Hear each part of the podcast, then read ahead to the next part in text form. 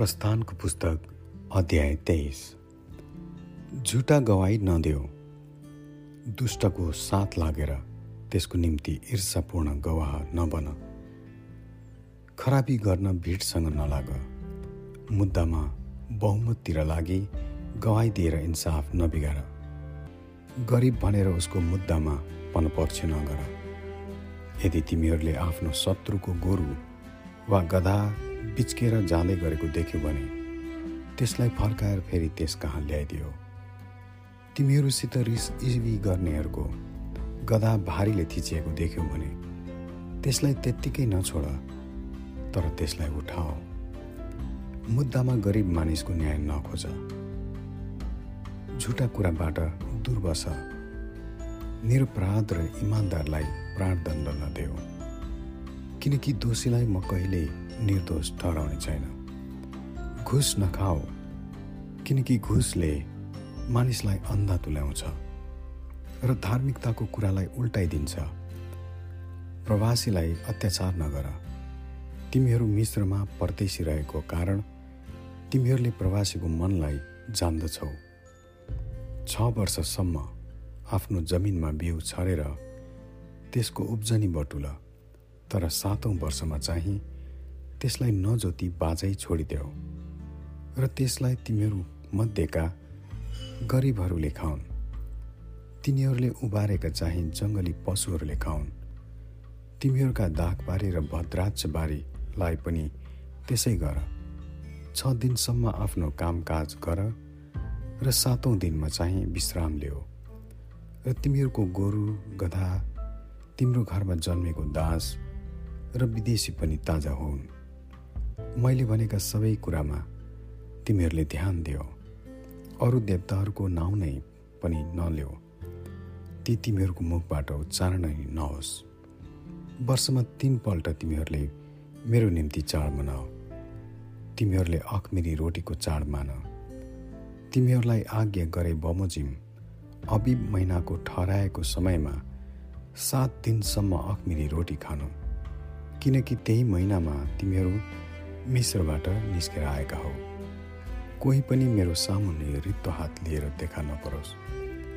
तिमीहरूले खेतमा छरेको अन्नको अगौटे फल चढाएर कटनीको चाड मनाऊ वर्षको अन्तमा जब तिमीहरू आफ्नो खेतबाट आफ्नो मेहनतको फल बटुल्छौ त्यसबेला अन्न भित्राउने चाड मनाऊ वर्षमा तिनपल्ट तिमीहरूका सबै पुरुषहरू परमप्रभुको सामुने देखा परुन्। मलाई चढाउने बलिको रगत खमिरको रोटीसँग नचढाओ। मेरो निम्ति चाडमा चढाउने बलिको बोसो बिहानसम्म रहन नदेऊ।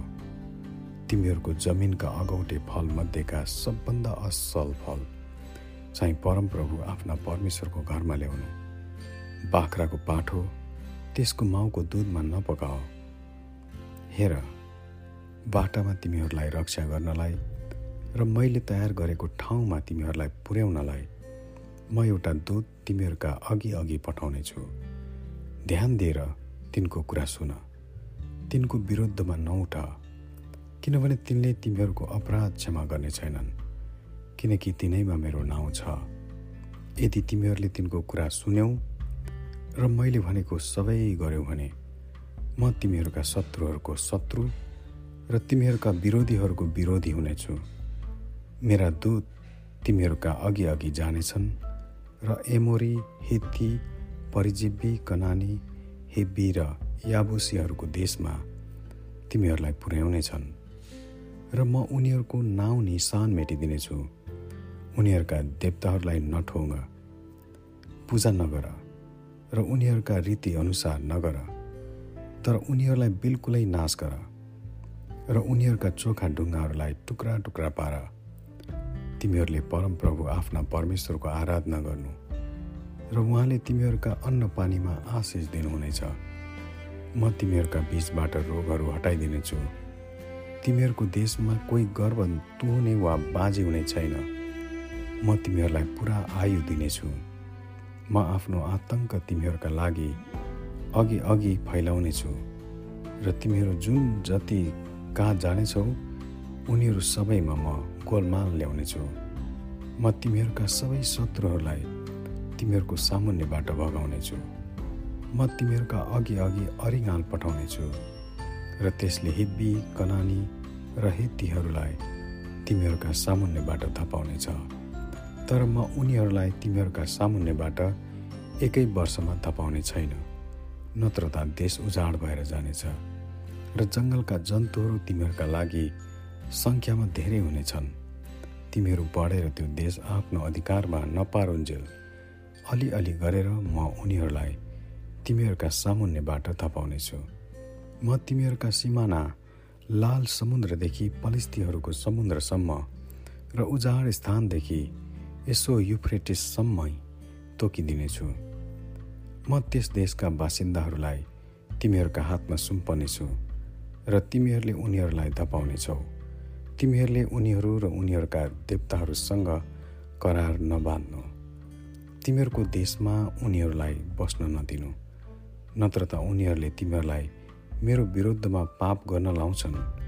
किनकि तिमीहरूले उनीहरूका देवताको पूजा गर्यौ भने तिमीहरू निश्चय नै उनीहरूका फन्दामा पर्नेछौ। आमेन।